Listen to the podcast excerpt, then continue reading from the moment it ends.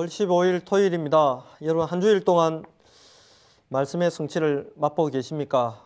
오늘까지 하나님 분명히 역사하실 겁니다. 그래서 불신하지 마십시오.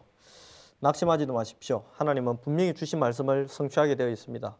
푸른 마르고 꽃은 시드나 여호와의 말씀은 영영이 있을 것입니다. 하나님의 말씀은 살았고 운동력이 있습니다. 활력이 있습니다. 혼과 영과 간절과 및 골수를 찔러 쪼개기까지 합니다. 그 말씀이 우리의 마음과 생각을 감찰하고 있습니다. 여러분 믿음으로 새롭게 남은 시간 도전하게 되기를 바랍니다.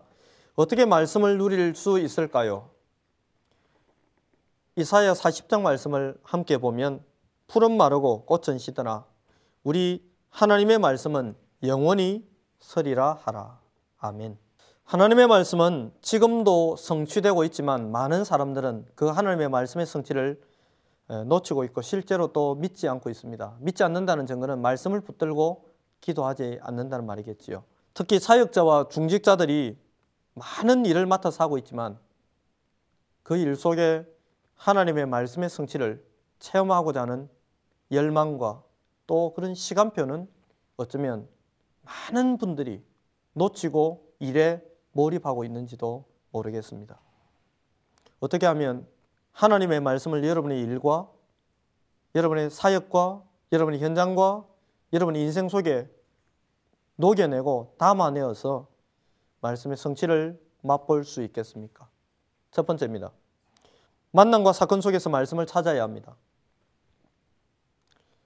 만남 속에 사건 속에 가장 기본이 되는 것은 하나님의 절대 주권입니다. 하나님의 절대적인 계획 속에 그 만남, 그 사건이 일어났다는 사실을 기억하셔야만 합니다. 우리에게 새로운 만남이 생기면 하나님께서 그에게 주시는 말씀은 무엇일까? 한번 생각해 보십시오. 제가 복음을 알고 대학원에서 공부를 할 때 하나가 바뀌었어요. 저 교수가 왜 저런 리포트를 내가지고 우리를 괴롭힐까, 과제를 줄까라는 생각을 하고 있다가 복음 안에서 생각이 바뀌었어요. 하나님께서 나를 위해서 저 리포트를, 저 과제를 교수님의 입을 통해서 하도록 하시는데 하나님은 왜 내가 이것을 하도록 하실까? 그 기도를 하면서 도서관으로 가고 자료를 찾는데요. 전혀 다른 응답이 왔어요. 때로는 귀찮은 사람이 있잖아요. 나하고 전혀 맞지 않는 사람이 있잖아요. 그 사람을 어떻게 하면 멀리 할까를 생각하다가 어느 날 왜 하나님이 저 사람을 나에게 붙였을까? 그러고 나서 보니까 사람에게 있는 영적 문제와 실상을 보게 하셨어요. 그러면서 전도자의 가슴을 회복하도록 하나님이 하셨어요. 만남과 사건 속에 하나님의 계획이 있습니다. 베드로가 늘 만나던 안전뱅이에게 어느 날 하나님의 계획이 있음을 알고 그리스도 예수의 이름을 생명을 전달했습니다. 만일 때 다른 말을 했으면 어떻게 되었겠습니까? 광야에서 빌립과 이디오피아 여왕 간다게의 국고를 맡은 네시와의 만남이 있었습니다. 이 만남을 짧은 만남인데 다른 말을 했다면 어떻게 되었을까요? 오늘 하루 동안 하나님은 우리에게 만남을 주실 건데 그 만남을 통해서 하나님은 어떤 하나님의 계획을 이루기를 원하실까요? 그것을 붙잡고 기도하면 하나님의 말씀이 성취되는 것을 체험하게 될 것입니다. 두 번째, 하는 일에 따라서 말씀을 찾아야 합니다. 다윗은 목동에 일을 했습니다. 그래서 돌멩이 던지면서 양을 지키면서 하나님의 말씀을 찾았습니다. 그게 무엇이지요? 여호와는 나의 목자시니. 그 작은 것 속에서 하나님의 말씀을 찾아냈습니다. 여호와는 나의 목자시니. 그 하나를 발견했는데 다윗은 목동이었던 자가 신분이 상승된 게 아니고 신분이 완벽하게 바뀌어버렸습니다. 왕이 되어서 이스라엘을 통치하는 하나님의 일에 쓰임 받았습니다. 여러분의 일 속에 여러분의 현장 속에 하나님의 말씀이 녹아 들어가 있습니다. 로마를 이해했던 바울은 에베소 6장 10절로 20절에서 로마의 군사에 대한 그림을 알고 있던 바울은 영적인 무장을 어떻게 해야 되는가에 대해서 설명했습니다. 말씀 속에 일 속에 말씀이 녹아 있습니다. 발견하게 되기를 바랍니다. 세 번째입니다. 오늘의 말씀을 찾아내야 합니다. 날마다 오늘의 말씀을 찾고 강단 메시지를 묵상해 보면 오늘의 말씀이 탁 붙들리게 됩니다. 금주 세례를 드리는데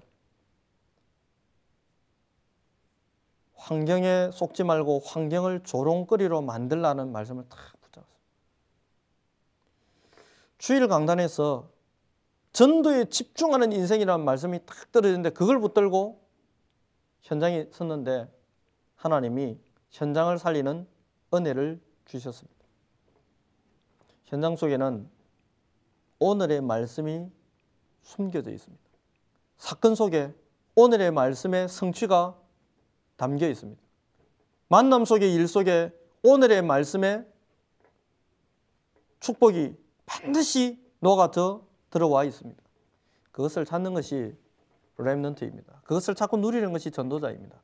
그것을 찾고 누릴 때 우리는 정인의 길을 들어가게 되고 그 정인의 길에서 하나님과 동행하는 비밀을 마음껏 누리며 성령의 인도와 성령의 역사를 체험하게 될 것입니다.